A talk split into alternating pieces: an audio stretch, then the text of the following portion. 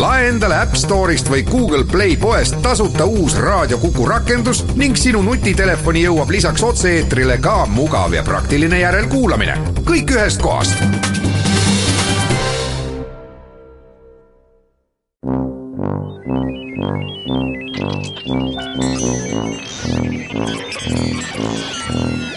vanamehed kolmandalt.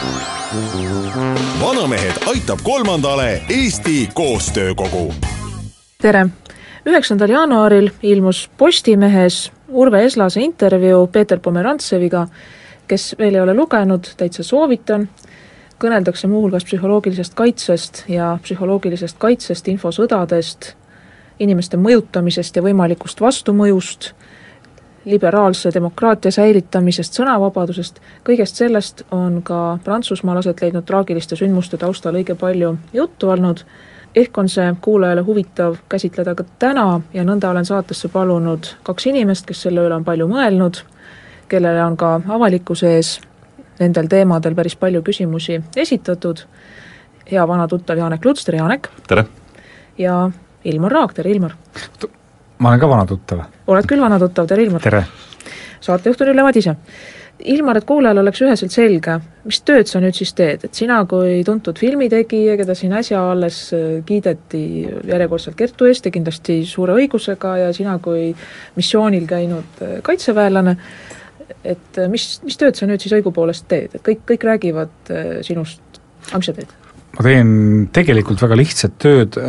mida on väga raske uskuda see on see, et äh, tulevad erinevate ministrite, ministeeriumite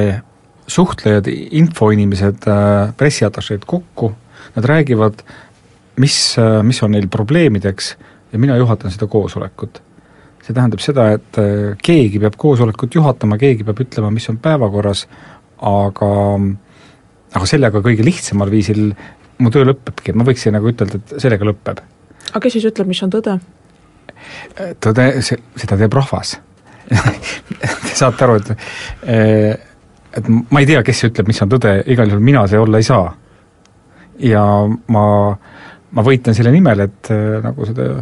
ühtset tõde väga ei tekiks, miks, eh, sellest ma räägin ilmselt selle, selle saate jooksul. väga hea, eks see oligi natuke intrigeeriv sissejuhatus, Jaaneki praegusest tööst pikemalt rääkima ei hakka, kui ta seda nüüd just ise aktiivselt teha ei taha, aga teeme siis otsa lahti mõistetega. psühholoogiline kaitse kõlab kaunikesti militaarselt, paljude jaoks kõlab see nagu noh, susi hundi kohta, ehk siis pisut pehmemate sõnadega ümber öeldud see, et tegu on riikliku süsteemse propagandaga selleks, et mõjutada masse, siis hetkel valitsevate ametnike ja poliitikute huvides ja lisaks on veel kasutusel niisugused mõisted nagu strateegiline kommunikatsioon, lõpuks on olemas reklaam, on olemas näiteks poliitiline reklaam, et kas ja kuivõrd kõiki neid äh, nähtusi ja ka neid mõisteid üksteisest korrektselt piiritleda saab? väga ei saa. Ja probleem on selles, et äh, et see sõltub äh, vaatenurgast või isegi otsustaja hoiakust, see on seesama probleem, mis eksisteerib näiteks sõnade puhul, kas on terrorist või vabadusvõitleja või selle jaoks, kellele mingisugune sõnum ei meeldi, on see propaganda ja kui see sama sõnum meeldib, siis on see mõtteavaldus. mina, mina ei tea, kumb on kumb. ja seetõttu ma arvan, et tegelikult noh, iseenesest oleks muidugi hea, kui me räägiksime nüüd sõnumi sisust või selle, selle sõnumi kavatsusest ja sealt selgub, kui palju see sõnum on kas eetiline, sobilik või mitte see nimi on ju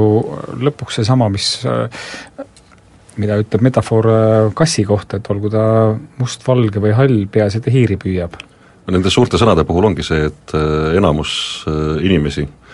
kes neid sõnu kasutavad, ei lähtu ju sellest akadeemilisest taustast ja nad ei tahagi laskuda sellesse akadeemilisse diskussiooni, et anda nendele sõnadele siis definitsioon, vaid neid kasutatakse kas, kas kindla eesmärgiga hämada või siis tegelikult üldjuhul kindla eesmärgiga hirmutada, nii nagu ka ütleme, Ilmari töökoha suhtes on ju, ju käivitunud mingi selline hirmutamine. et kasutatakse teatud sõnu, andma nendele de-, definitsiooni ja siis tegelikult see on lihtlabane hirmutamine nende sõnadega. noh näiteks äh, ma toon ühe näite, mis mulle täiesti nagu üllatus tekitas üllatus tekitas see, et minu töö või Eesti riigi praegune üks propagandafunktsioonidest oleks sellise läheneva sõja sõjaga hirmutamine selleks, et inimesed oleksid kiiremini valmis püssi alla minema ja siis võitlema hakkama, aga mina ütleks selle peale, et minu meelest on see väga-väga riskantne mõte, sellepärast et äh, läheneva sõjaga hirmutamine esiteks ma ei tea, et oleks kusagil see sõda meile nii väga lähenemas, aga teiseks on selle taga ka see, et äh, see pigem tekitab paanikat ja, ja see on täpselt samavõrd halb kui kui nagu idee sellest, et meil oleks äh, üks ühtne idee, tõde. et see on ju nagu Kremli propaganda üks äh, niisugune keskne telg, et ega tõde ei olegi, et kogu maailm koosneb valedest, see annab ühtlasi eetilise õigustuse kasutada valesid vastu. Ja mulle tundub küll või minu tähelepanekute kohaselt paljuski see psühholoogilise kaitse teema on täiesti demokraatlike õigusriikide nii-öelda päevakavva päris aktiivselt tõusnud just siis, kui kui hakkas viimastel aastatel Venemaalt tulema niisugust reeglit rikkuvat süsteemset riiklikku desinformatsiooni, hakkas tulema raha tegelikult üheaegselt vasakäärmuslastele ja paremäärmuslastele, hakkas tulema sedasama Ameerika-vastase vaenu külvamist, ja, ja kogu seda tüüpi lähenemist, et, et tegelikult see tõde võib-olla kuskil isegi on olemas, aga kõik see, mida teile räägitakse iga päev, see kõik on vale, see kõik on suunatud teie teie mõttemaailma kuidagi kitsamaks muutmisele, teie pärssimisele, ja et sellest tulenevalt tuleb pakkuda inimestele seda, kuidasmoodi siis need asjad päriselt on ja seal, seal see pi-, piir juba isegi vandenõuteooriatega on suhteliselt õhkõrn. jah, kõige ilmekam näide vist sellest nädalast on see, kui äh, Vene välisaseminister välisministri, aseministri, kuidas ma praegu kiiresti ei suuda seda ära tõlkida. Äh, tegi avalduse, et, äh, et plaan käivitada näiteks Eestis venekeelne telekanal või, või üldse plaan või mõte, mis on Euroopas liikvel, et kas venekeelse kogukonnaga, mille arvukus äh, liikmesriikides, Euroopa Liidu liikmesriikides kasvab, et kui nüüd käivitatakse venekeelne telekanal, et siis see on propaganda ja ei, esimene lause oli see, et see on sõnavabaduse piiramine ja teiseks, et see on propaganda, et tegelikult see esimene osa on absurdne, aga teine osa on see, et tõmmata meid sellesse diskussiooni, et me hakkame tegema propagandat. Äh, ja, ja loomulikult noh, selles olukorras äh, psühholoogilise kaitse seisukohalt oleks õige käituda niimoodi, et me ei lasku nendega sellesse diskussiooni, sest nii kui me sellesse diskussiooni äh, laskume, nii me no, loeme selle provokatsiooni ohvrid ja hakkame selle küsimusega tegelema. tähendab, iseenesest muidugi tuleb teadvustada, et et loomulikult selline teatud oht eksisteerib ja see oht eksisteerib õige mitmel tasandil ja ma arvan, me peame iseenesest sellest ka natukene rääkima. selle ohu indikatsiooniks on näiteks see, kuidas äh, Ameerika Ühendriikides on, on nähtud vaeva, kuidas sedasama asja nimetada, seesama psühholoogilise kaitse probleem. Äh, hulk aega nad käsitlesid asja niimoodi, et julgeolekuteemalised kommunikatsioonid, mis läksid Ameerika sisse kodu, publikule siis, äh, seda kutsuti avalikeks suheteks. ehk PR? Äh, jah, või public affairs. Äh, ja samal ajal siis need asjad, mis läksid Ameerikast välja, need olid info operations, infooperatsioonid, psi-, psyops, psühholoogilised operatsioonid ja mõjuoperatsioonid. mingisugusel hetkel tekkis aga küsimus, et nad said aru, et kui, kui nad on tõepoolest terviklikud äh, oma väärtustes, ehk et see poliitika, mida nad viivad Ameerikast välja, on tegelikult seesama, mida nad viivad Ameerikas, no siis ei ole ju tegelikult vahe, et nad äh, sõnumid peaksid alluma samasugustele eetikanõuetele nii sees kui väljaspool, miks neid siis e-, erineval viisil nimetada? ja nad lõikasid sellega korduvalt näppu endale lõpuks. mina olen kujutanud nüüd peentele filosoofidele viitamata niisugust ideaalset äh, info liikumist või teavitamist ühiskonnas niimoodi ette, et on äh, üldiselt siis haritud, iseseisvad, enesekindlad kodanikud, kellel kõikidel on enam-vähem võrdne juurdepääs oma mõtete avaldamisele ja poliitilisele võimule, on arvamus- ja väljendusvabadus ja riigil on kohustus edastada oma tegevuse kohta temale teadaolevaid fakte siis mõistliku, aga küllaltki kitsa riigisaladuse piiriga loomulikult, ja siis vaba sõltumatu ajakirjandus saab nende faktide põhiselt ja üksteisega konkureerides ja, ja tõesti siis täiesti vabalt edastada ka teatud sünteesi ja küsimusi ja, ja veel täiendavalt uurida. Ja põhimõtteliselt, et siin toimub niisugune kodanike vabade ideede võistlus ja et riik sellesse ei sekku, mitte ükski riik, ei oma riik ega ka välisriik ei sekku sellesse oma riiklike vahenditega, maksumaksja rahaga süsteemselt ja eesmärgiga tegelikult noh, valesti või õigesti, aga mingil viisil siis inimeste ajusid ära pesta. jah, siin minu jaoks on lihtsalt küsimus selles, et see, mida sa pikalt ette lugesid, see on see nii-öelda demokraatlikus keskkonnas veenmine, veenmisprotsess, äh, mis peaks siis äh, olema see lõpptulemus sellele, et äh, inimesed on veendunud, et valikud, mis on tehtud, on õiged ja, ja me järgime neid. Ja me oleme nendega nõus ja, ja no ütleme siis ka nii, et valimistel hääletame nende nii-öelda siis otsuste või valikute poolt. ma võtaksin seda isegi teistmoodi, et noh, kõigepealt püüan ka teistmoodi väheke sõnastada, aga ehkki ma olen sinuga põhimõtteliselt nõus. et see on ideaalolukord? Selles tähenduses see on jah, ehk ideaalolukord. et kõigepealt vaadata, mis on need piirid, kus, mis hetkel me võiks ütelda, et Eesti Vabariigi põhiseadus enam ei kehti. ja, ja esimene neist oleks see, et et on sõnavabadus, noh, see, millele sa vihjasid, et kõigil on võrdne võimalus ähm, ennast siis võrdselt väljendada. noh, teada fakte ja nende kohta arvata, eks ole. just, ja ja anda hinnanguid. ja, ja teha järeldusi. ja te-, no nii, kõike seda, ühesõnaga sellist äh, selget diskrimineerivat lähenemist kellegi sõnaõigusel ei eksisteeri. et kui me mingil osapoolel paneme suu kinni, Äh, siis me tunnistame, et noh, sel hetkel seda võrdsete võimaluste võitlusvälja selles ideede võistluses ei ole. Äh, nüüd äh, kujutame, kuidas ma kujutan seda riigi rolli seal ette, ma võtaksin seda et, niimoodi, et näiteks on Eesti riigil näiteks Soomega mingi kaubandus, maksuläbirääkimine käimas, nad tahavad mingil moel oma maksusid ühtlustada või vastavusse viia. Ja kogu rahvas äh, ühel hetkel osaleb äh, selles diskussioonis, sellepärast et äh, vaadatakse, kas ja kuidas noh, minevikust võttes Eesti maksusüsteem võiks teha sellised maksudumpingut ja iga viimane kui Eesti kodanik osaleb selles väitluses. aga probleem on selles, et ühel hetkel peab siis sinna läbirääkimiste ruumi sisenema kolm inimest ja üleüldse, et keegi peab ju sõnastama selle, mis on see rahva tahe ühel hetkel sest muidu, muidu ei ole võimalik sellele paberit alla kirjutada. ja siis tulevad mängu kas ametnikud või poliitikud, kes ühel hetkel siis sõnastavad selle, mis nende meelest on enamuse tahe. võib-olla nad eksivad, aga selle jaoks ongi siis äh, need äh, korrektsioonimehhanismid, ehk et on võimalik äh, kohtusse minna, on võimalik nad ümber valida, need poliitikud, ja järgmises rotatsioonis leida ikkagi need inimesed, kes suudavad paremini äh, formuleerida seda, mida rahvas äh, mõtles. jah, kui meil ei ole vabadust arutleda ja, ja välja selgitada, äh, mis peaks olema siis see õige otsus, kas või seesama sinu maksunäite puhul, siis äh, tegelikult me põrkame ju lõpuks vastu seda ka, et me läheme ju sellesse sellisesse sohu, kus me hakkame kõike reguleerima kas siis seadustega, parameetritega või reeglitega ja kui me võtame sedasama maksunäite, siis tõenäoliselt informatsioon, äh, mida äh, tavaline keskmine inimene valdab maksuteema kohta, äh, on suhteliselt üldistatud.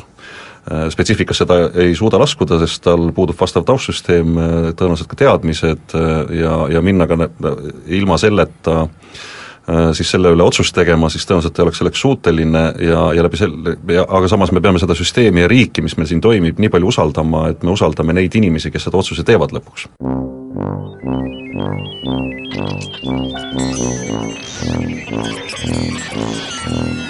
vanamehed kolmandalt.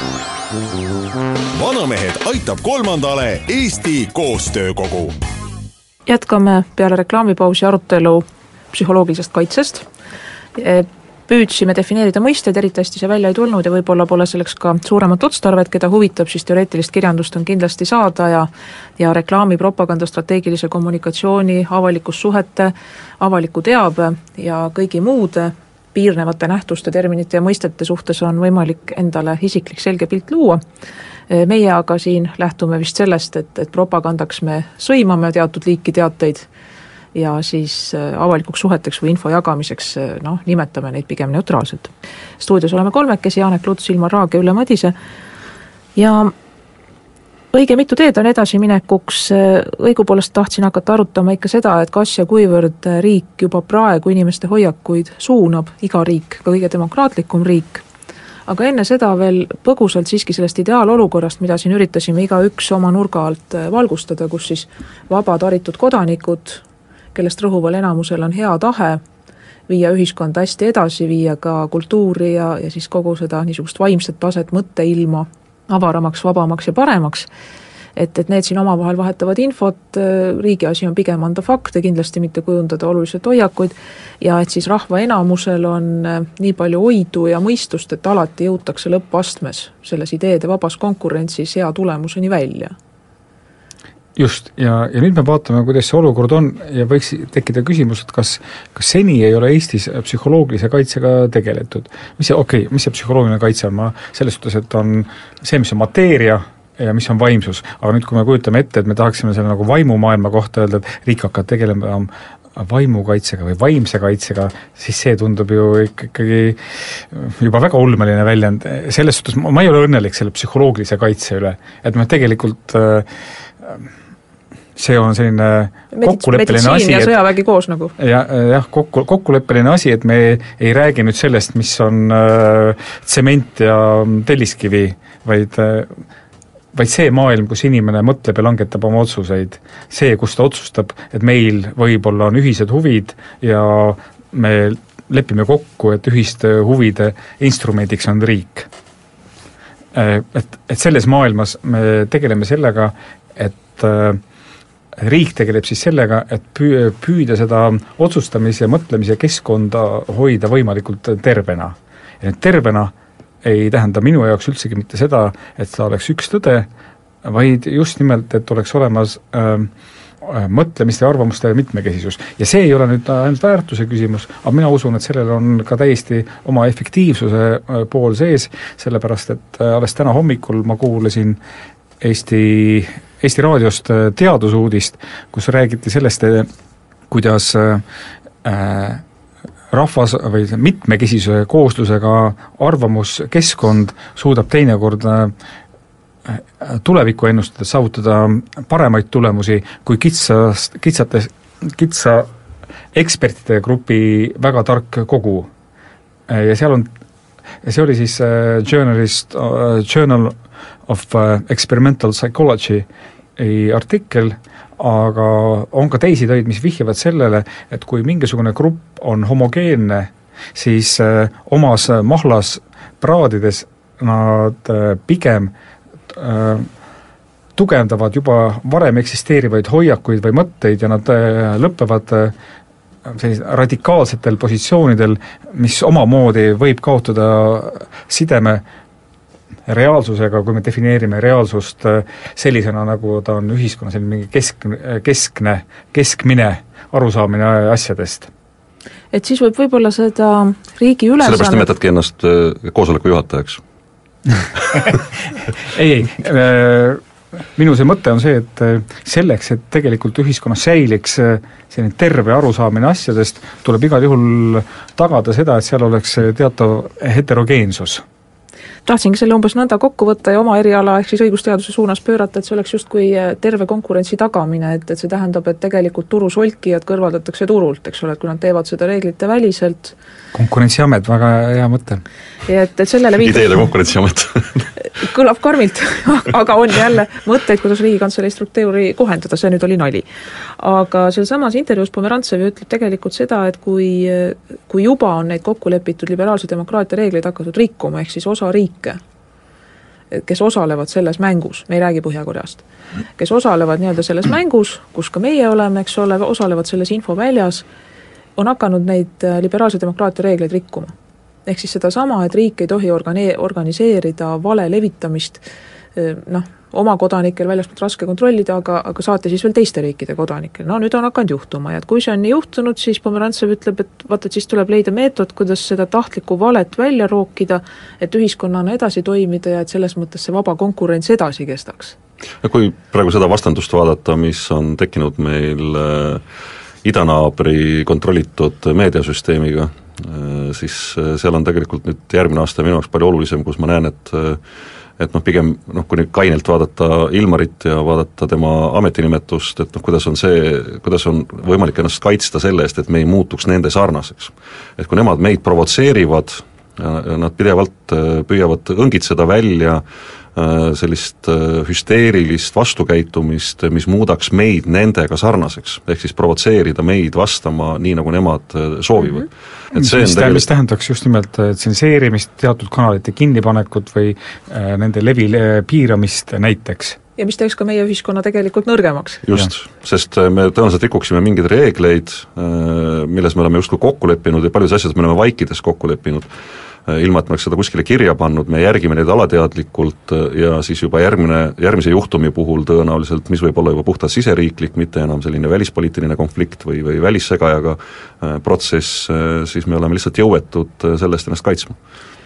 ja see ongi hästi kummaline ja väga raske situatsioon, et tegelikult on ju riigid aetud kahvlisse. et kasutades väljendusvabadust ja seda kokkulepet äh,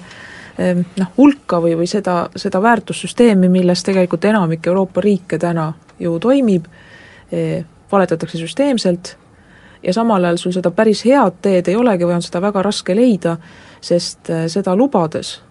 hakkab see ühel hetkel tõesti sinu ühiskonda murendama, sest et päris palju raha ju antakse ka äärmuslastele, et me, me näeme seda, et, et on kasulik eh, nõrgestada Euroopa Liitu, rahastades näiteks vasakäärmuslust ja rahastades paremäärmuslust ja ja siis ajada omavahel liidreid tülli, et, et see oleks ka mingis mõttes meie idanaabrile ju noh, maailmas ütleme, selle võimupositsiooni pärast võitluses oleks üks kõige meeldivamaid ja lihtsavamaid partnereid, nõrk Euroopa Liit, et, et teiselt poolt nüüd, kui riigid tahaksid sekkuda, siis tõesti on väga suur oht eh, libiseda sinna, kus sa hakkad seda arvamuste vabadust juba piirama ja kus võibki olla näiteks valitud rahvaesindajatel ja ministritel soov või kiusatus, et, et rahvas nende tegevust, mis enamasti kindlasti on hästi mõeldud, iseasi, kuidas see välja tuleb, nii-öelda õigesti mõistaks no,. ja me, siis on ämbris. me, me räägime hästi palju siin noh, alateadlikult ja vihjates võib-olla meie idanaabri poole, aga aga samas ma arvan, et Euroopas ja ka Eestis peaks rohkem lahti kirjutama, mis ja kuidas sai juhtuda niimoodi, nagu on praegu juhtunud Ungariga mm. -hmm. Kus, kus ka on selline äh, äärmuslikum äh, ja kõva käe ihalusega jõutud kuskile sellisesse punkti, kus tõenäoliselt tagasiteed ei ole ja kus tegelikult needsamad ohud, mida, millest meie siin räägime teoreetiliselt, et kui me alluksime provokatsioonidele, siis me võiksime muutuda kellegi sarnaseks, kelle sarnane me ei tahaks olla, aga me loome pretsedendi, mida meil on pärast väga raske tagasi pöörata ja, ja kui jälgida kas või seda, mis on tehtud näiteks Ungari meediaga, Ungari ajakirjandusega, et siis ja Ungari kohtuga. ja Ungari kohtuga, et siis see ongi juhtunud ja, ja minule jääb täiesti arusaamatuks, et kas kas tõesti see rahva enamus kiidab selle heaks, aga kui nad on valimistel oma valiku teinud, siis justkui on see heaks kiidetud. aga ei, sellest on sellest võib ka aru saada, sellepärast et ehkki mina tahaks igal juhul äh, kui midagi keelata, siis see mõtlemise, et see psühholoogiline kaitse on seotud Tõeministeeriumiga. objektiivse tõega. jah, objektiivse tõega, siis, äh, siis samas olen ma kuulnud Eesti ühiskonnas ka inimesi, kes ütlevad, et ei noh, tegelikult õige, kurat, tuleb ikka ära öelda, kuidas asi on. ja ma saan aru, et nagu ega, ega meie ühiskonnas on ka seda äh, üheainsa tõe ihalust ka täiesti olemas. ainult, et äh, noh, ma arvan, et keegi meist see, selle laua taga ei ole siin seda pakkumas aga, aga nüüd sealt äh, edasi minnes ma äh, mõtlesin, et toome me võib-olla siiski mõningaid äh, selliseid nagu selgeid äh, näiteid, kus äh,, kuidas see asi töötab ja mis hetkel on, mida midagi on vaja äh,. No üks, üks nendest näidetest, mida ma tahan siinkohal ütelda, et sii-, Eestis praegu hakatakse käima, jooksma venekeelset telekanalid. kas see õnnestub, väga raske ütelda, sellepärast et meediakonkurents on väga tihe, aga nüüd ideoloogilisest vaatepunktist vaadatuna, siis äh, mina endise kah nagu meediainimesena mõtlesin, et mis võiks selle kanali nagu esimeseks kõige olulisemaks postamendiks olla ja see on see, et jumala eest, ärge püüdke hakata hakata mingisugust Eesti riigi propagandat tegema, et äh, parim, mida te teha saate, on teha nii head ajakirjandust kui vähegi võimalik, te peate no püüdma pakkuda parimaid Eesti ajakirjandusstandardeid üleüldse, äh, sellepärast et see ongi see, mis suudaks äh, seda kanalit eristada konkureerivatest äh, Venemaa kanalitest andsid sa Janekile nõu? jah, jah, kummastav, et sa selle peale mõtled, sest äh, keegi isegi ei ole seda arutanud, et aga kahtlustada on meid selles küll palju jah, et me, me hakkame looma vastu propagandakanalit. aga, aga see on nüüd seesama, mis ma enne juba siin ütlesin, et kas või seesama Vene välis, välismini-, asevälisministri äh, sõnavõtt, noh kus meid püütakse haarata sellesse konksu, et me hakkaksime võitlema meeleheitlikult, äh, meeleheitlikult nende poolt meile külgesid kleebitud sildiga mida me ei kavatse teha ja, ja, ja ma ütlen, et noh, kuna Eestis, vähemalt minu hinnangul täna äh, avalik-õiguslik meedia on äh, sõltumatu, temas, tema sees toimetavad toimetused on sõltumatud ja neid ei saa sundida tegema mingeid tellimustöid. isegi mitte psühholoogilise kaitse minister ei suudaks seda teha aga no siis, õnneks veel ei suuda, jah. aga siis, ja siis nagu näiteks järgmine teema ja see on see, kui me räägime nüüd mismoodi toimuvad äh, infooperatsioonid ja mismoodi võib see tegelikult olla julgeolekule ohtlik, võtame praegu Pariisi näite mm, -hmm. kus siis äh, toimus Charlie Hebdo toimetuses terroriakt, inimesed said surma ja pärast seda loomulikult oli, on tohutu oht, et käivitub kättemaksu selline tsükkel, kus Äh, kus paremäärmuslased üritavad äh, moslemeid mättasse lüüa ja, ja seejärel need jälle kohe vastupidi. Äh, ja lähebki madinaks, mida tõenäoliselt üks osa, üks osa osapooli selles rahvusvahelises võistluses täitsa hea meelega näeks. just, aga, aga nüüd, et mis, mis sellisel juhul nagu sa-, saame teha, kas, kas riik peaks selle koha peal ütlema, et jah, kuna selline ots-, võimalus eksisteerib, okei okay,, ma panen politseinikud tänavale, aga noh, üldiselt äh, las ühiskond nüüd ise vaatab, mis ta teeb. et noh, mis see riigi positsioon on, selle me otsustame hiljem, kui oleme ära kuulanud, mida inimesed räägivad. kas nagu selle koha peal riik ei võiks proaktiivselt mida, midagi teha? sa mõtled äh, nagu pärast äh, Norras toimunud äh, näiteks, et noh, et, et sõnavõtud, millega tulevad peaministrid äh, ja teised vastutavad isikud äh, valitsuses välja, et need peavad kandma mingit sõnumit, toona tuli Norra peaminister, ütles, et me vastame sellele ainult üheti, veel rohkem demokraatiat noh näiteks, sellepärast et siin, siin me saame aru, äh, sest ühe, ühtaegu see valitsus ei reeda oma põhiseadust, aga mida ta teeb, see on asi, mida lingvistikas kutsutakse, ma tean kahjuks on prantsuskeelsed nimed, acte parole, see on sama asi, kui altari ees küsitakse, kas sa oled nõus ja pre-, äh, peigmees või pruut vastab jah, siis ta tegelikult mitte lihtsalt ei ütle jah-sõna, aga ta teostab sellega ka teo ja, ja niimoodi on ka poliitiliste avaldustega see asi, et eh, see, mida ta ütleb, see ta seda samal ajal ka, ka ongi. Eh, nüüd näiteks eh, selle, sellesama Prantsuse konfliktsituatsiooni või kriisisituatsiooni juures näiteks oli oluline eristada islami äärmuslasi ja ülejäänud islami kogukonda noh, teiseks pead sa siis kindlasti eristama ka ja selgitama, mis väljaandega oli tegemist, tegemist oli ju meediasüsteemis suhteliselt äh, äärealal oleva reaktsioonilise väljaandega, mida oli korduvalt kohtulikult ka rünnatud ja ta korduvalt oli ka kohtus õiguse saanud, aga tegemist ei olnud äh, siis ütleme, heas mõttes äh, noh, peavoolumeedia massväljaandega. noh, see meie ja. mõistes ei olnud ei Postimees, Päevaleht, Ekspress ja Maaleht, noh, ütleme meie mõistes see, see võrdlus on ebakohane, aga noh, nagu, noh, nagu meie Pilkaja näiteks, mis aeg-ajalt ikkagi ilmub ja, ja mis on tore ajakiri, aga ta on kuskil meedia äärealadel või nagu on internetis on praegu ju Eestis selline väljaanne nagu Nihilist FM väga palju on seal toredat lugeda, aga tihti on seal ka väga noh, mitte sarnast äärmuslikkust, aga ütleme, oma väljenduslaadilt äh, sellist äh, ütleme, et noh, mitte väga meeldivalt kirjutatud artikleid. ma, ma, ma kardan, eks me läheksime teemadega äkki liiga laiali. ei, kui sa lihtsalt õigustasid, ja mitte õigustanud, mitte et õigustasid, kui sa püüdsid selgitada, et noh, et, et ärme tõmba võrdusmärki äh, islami ja, ja, ja moslemite vahele ja nende automaatorite vahele siis, ja terroristide vahele, siis selge on ka see, et noh, et, et väga selgelt peab ütlema, millega oli tegemist, et me ei saa öelda, et noh, et, et kogu Prantsuse meedia muuga ei tegelenud kui hommikust õhtuni ainult äh, moslemite, vabandust, Muhamedi pilapiltide avaldamisega. Täi-, täiesti nõus, aga nüüd me vaatame see, see seda probleemi iseenesest, mis äh, seal tekkis äh, moslemitega, meil nüüd võiks tunduda, et see on selline tühi poliitiline deklaratsioon, ütelda, et kõik, kõik islami äärmuslased ei ole sama, mis ülejäänud islami kogukond, meile tundub, okei okay,, see on, see on suur poliitiline deklaratsioon, aga võtame seda kuidagi nagu teise näite, mis võib-olla on päevakohasem, kas äh, kõik ukrainlased on äh, natsid? sellepärast, et kui läks lahti see konflikt Ukrainas, siis äh, Vene propaganda sõnum oli väga selgelt see, et äh, Luganski, Donetski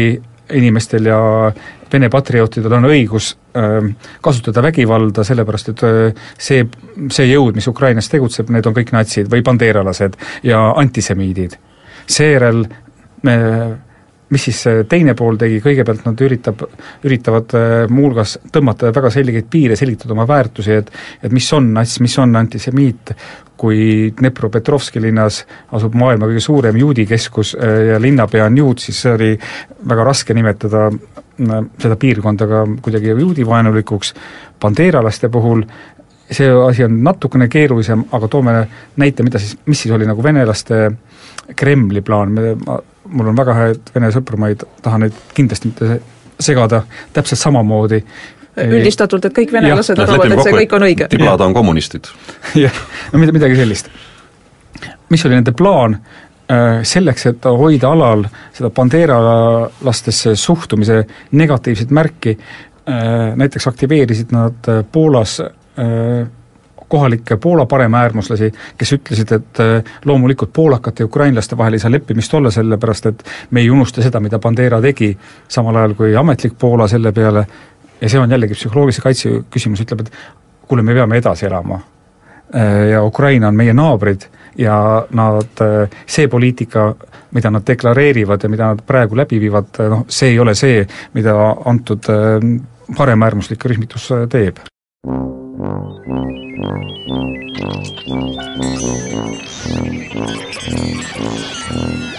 Vanamehed kolmandalt.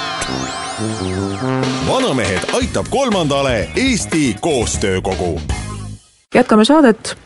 Jarek Luts, Ilmar Raag ja Ülle Madise ja oleme jõudnud küsimuse juurde, kas ja kuivõrd ja miks ja mis piirides võib riik inimeste hoiakuid mõjutada ja enne reklaamipausi siis tõimegi terve hulga näiteid, millistel juhtumitel võib olla mõistlik sünkroniseerida riigi nimel kõnelevate valitud liidritest sõnumeid, siit oleks kaunis lihtne minna edasi küsimusega, et aga ikkagi, et kui meil oleks seesama ideaalolukord, et kas siis sellest samast kodanikuühiskonnast endast ei tule need sõnumid, et kas nemad ei asu rääkima näiteks Prantsuse näite puhul, et katsume nüüd ikkagi eristada, eks ole, ajakirjanduse või meedia raamides erinevaid väljaandeid, katsume eristada siis kõikide võimalike uskude ja kogukondade sees noh, erinevaid inimesi, kus äärmuslus on äärmuslus just nimelt sellepärast, et ta on ääres ja teda on vähe ja et ei tasu kellegi ühte halba tegu omistada kõigile. Või noh, nii nagu üks näide, mis jäi siis seoses Venemaaga toomata ajaloost, et ega oli vahepeal ka küsimus, et kas kõik tšetšeenid on, on terroristid ja et kas tegelikult on seetõttu õigustatud selle maa noh, sisuliselt mm, hävitamine aga kui me nüüd võtame päris konkreetseid juhtumeid, et näiteks oli ju enne euroga ühinemist ka Eestis oli, oli aeg-ajalt äh, Eesti krooni devalveerimise paanika. Ja kui, kui tihtipeale niisugusest massipsühhoosist või kus, kus massiliselt millegipärast äh, hakatakse uskuma, et mingid asjad on nii, nagu nad tegelikult ei ole, et kui tavaliselt me ei suuda selle mõju hinnata, siis näiteks devalveerimispaanika puhul noh, seda umbkaudselt on võimalik hinnata, kui palju inimesi siis tõesti oma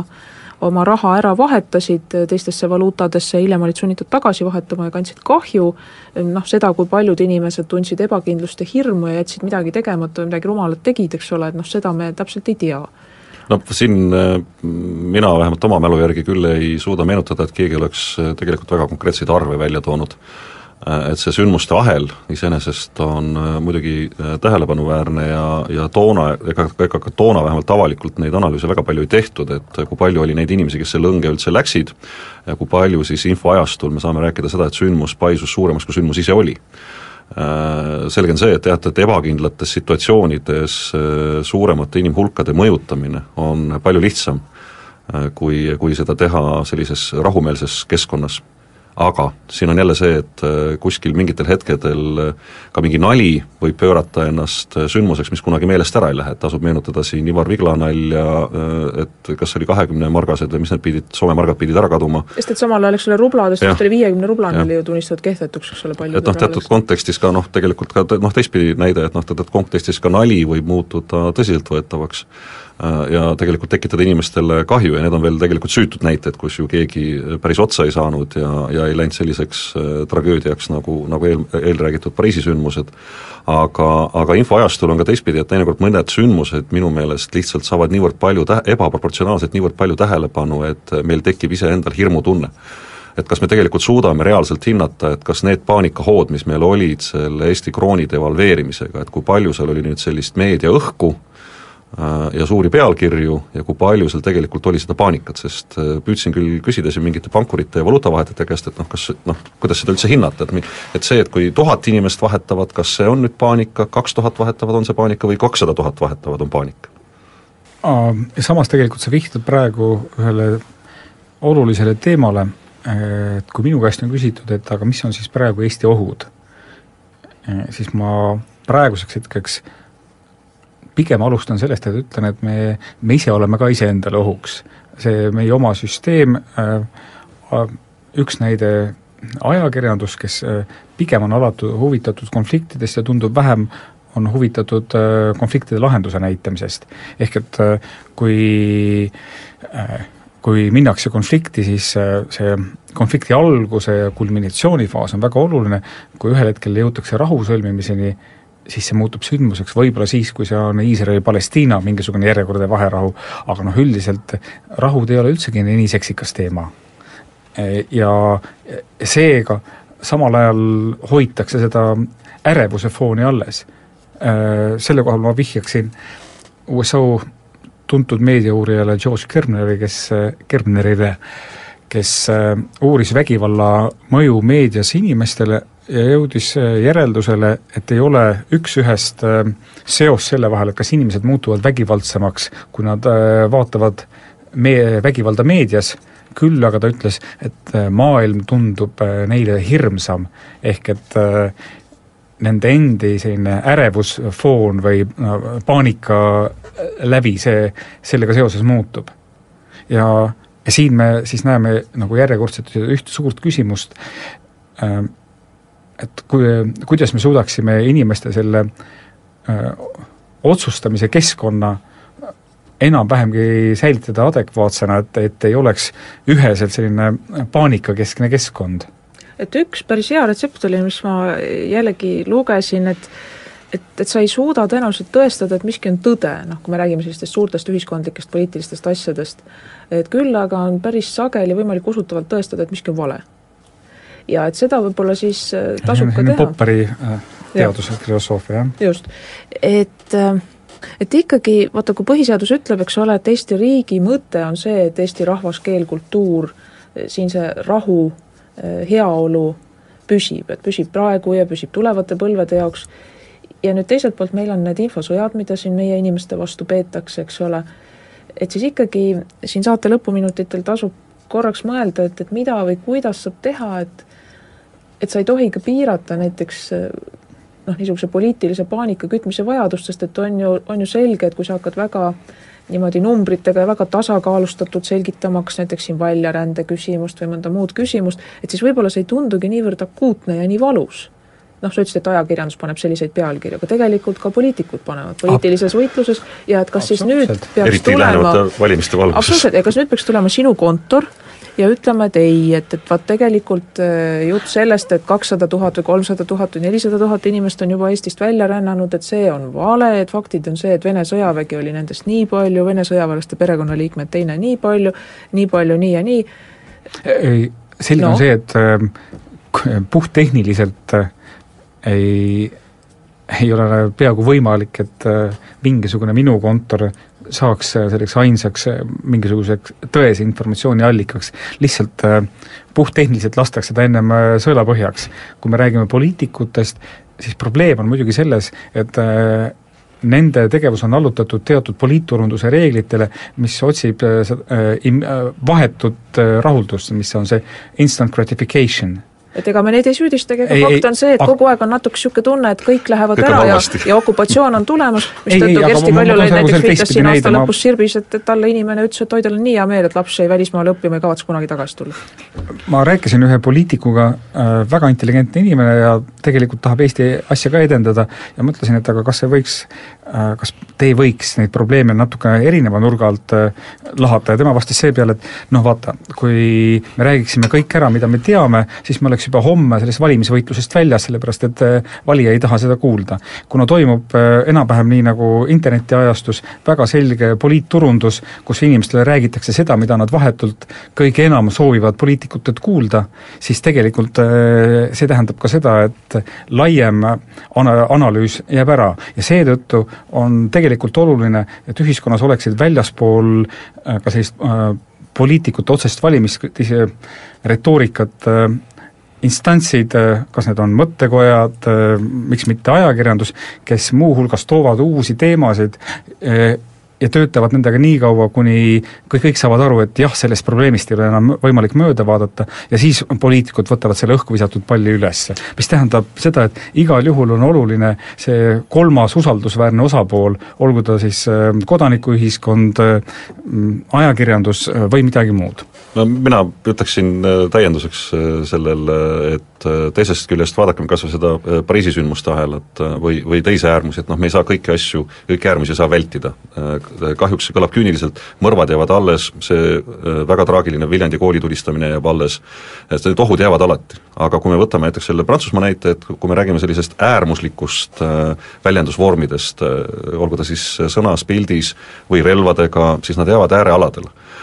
ja, ja tegelikult ka ühiskond ju iseenesest annab sellega signaali, et ta surub endast ju välja seda ekstremaalsust, seda äärmuslikkust ja ta surubki seda äärealadele. Äh, Charlie Hebdo äh, tiraaž ju enne seda traagikat ju oli, oli ju see kolmkümmend, nelikümmend tuhat eksemplari mm., mis on prantsuskeelse elanikkonna kohta ju üliväike. aga see rühm oli olemas, see oli nende väljund ja nad said selle, selle, selle, sest noh, mina olen ka inimene, kes armastab väga musta huumorit ja, ja absurdset huumorit, võib-olla isegi rohkem kui peaks, ja, ja teisest küljest ega, ega ega minulgi on teinekord niisugused äh, kummalised naljad, kui ma jälgin seda, mida kõike tehakse näiteks praegu maailmas erinevates riikides, erinevates piirkondades, karjudes Allah Akbar. Et, äh, et noh, et, et ega, ega minulgi tekib tahe, tahe võib-olla noh, kuskilt leida seda tagasisidet, et keegi mõtleb minuga samamoodi, et see on absurdne, et Jumala nime kasutades peab teisi inimesi tapma aga palun väga, selle kohta öeldakse, et näe, moslemid, mis teevad no mis kristlased on teinud. just, ma olin äh, Kesk-Aafrikas ja jõudsin sinna olukorras, kus paar kuud va-, varem näidati mulle mobiiltelefonidel, kuidas äh, kristlased äh, panid elavalt põlema reevitud moslemeid, raiusid neile käsi ja suguelundeid küljest, isegi oli üks väga populaarne klipp, kuidas tubli kristlane, olles jala otsast reebinud hammustesse tubli suutäie, tõestamaks, et on vastase tõe, tõepoolest oma võimu alla saanud no, ja need olid siis kristlased. nüüd ma esitan küsimuse, kui need olid kristlased, oot-oot, kas Eesti kristlased, kas te olete samad? Jah, et, et pärast, pärast jutlust läheme korraldame midagi, teeme korda midagi. aga ma tahtsin veel kord rõhutada seda, et kui, kui ühiskond on terve ja, ja rahulik, siis ta ise äärmused surub ära, sellepärast et ega meis kõigis on peidus see, et ära tee teistele seda, mida sa ei taha, et sulle tehakse. ja, ja, ja, ja alati need äärmused saavad ülipalju tähelepanu ja seda rõhuasetust neile. aga, aga teisest me unustame selle proportsiooni ära, et noh, et, et ega ega siis kõik need prantslased, kes täna Prantsusmaal elavad erinevatest rahvustest, ega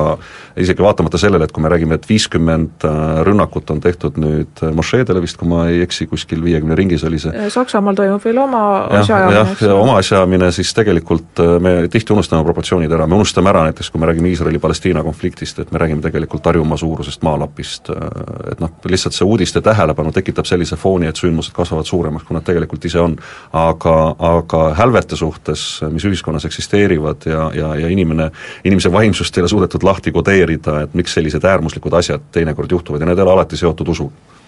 Ja siin paneme tänaseks punkti, usun, et meil õnnestus üksjagu kriitilist mõtteainet pakkuda, me ei rääkinud propagandast, ei õigustanud propagandat, rääkisime psühholoogilisest kaitsest, kommunikatsioonist ja vähene must huumor, mõned hirmsad näited, mida tõime, et andke needki andeks, suur aitäh kuulamast, aitäh Janek Luts ja Ilmar Raag ja kuulmiseni jälle nädala pärast!